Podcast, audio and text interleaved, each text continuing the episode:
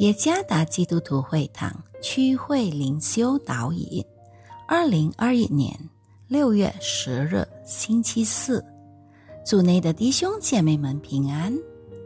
今天的灵修导引，我们将会借着圣经《哥罗西书》第三章十二到十七节来思想今天的主题：维系合一。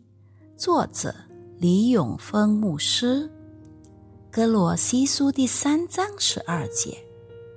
所以你们既是神的选民，圣洁蒙爱的人，就要存怜悯、恩慈、谦虚、温柔、忍耐的心。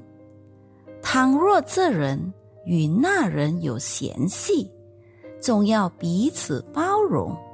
彼此饶恕，主怎样饶恕了你们，你们也要怎样饶恕人。在这一切之外，要存着爱心，爱心就是联络全德的。又要叫基督的平安在你们心里做主，你们也为此蒙召，归为一体。且要存感谢的心，当用各样的智慧，把基督的道理丰丰富富的存在心里，用诗章、颂词、灵歌彼此教导，互相劝诫，心被恩感，歌颂神。无论做什么，或说话，或行事。都要奉主耶稣的名，借着他感谢父神。当我庆祝今年的生日时，我收到了一束鲜花，其中包括许多美丽漂亮的七彩花朵。这束花使我想起了基督身体中有许多差异组成合一的画面。每个品种都为基督的身体带来丰富和美丽。使徒保罗呼召哥罗西的信徒成为神的选民，圣洁蒙爱的人，成为神的选民。他们被召要表现出生活中基督的道德正义之美。他们不再是旧人。而是基督里的新人，作为新人，被爱和被宽恕的信徒，拥有合一的爱。使徒保罗在这些经文中描述了六个爱的方面。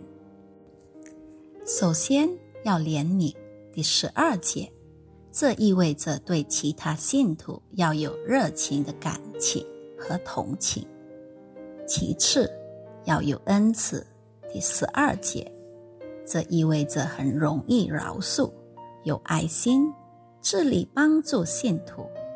第三，谦虚，第十二节，这意味着主动倾听、分享和同情主内的信徒，从而可以建立和谐的关系。第四，温柔，第十二节。这意味着要善良，不骄傲，不傲慢，并且与其他信徒面对同道时不自卑。第五，要有忍耐的心。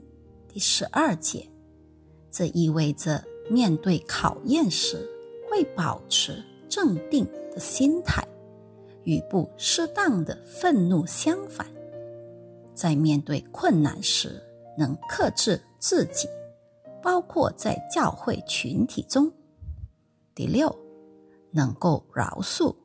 第十三节，这意味着见证出基督所饶恕的生命，以至于就很容易原谅包括信徒在内的其他人。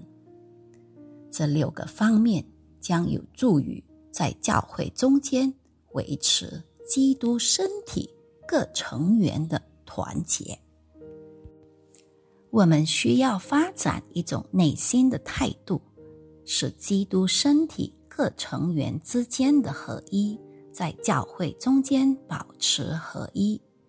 从我们内部开始，需要坚持不懈的发展爱的六个重要层面。因此，我们很容易看重每个不同之处，包括不同的恩赐、服饰位置的差异、不同形式的服务，甚至品格上的差异。我们准备装备弟兄姐妹们。和接受装备，维系我们团结而不至于分裂的是基督的爱。愿上帝赐福于大家。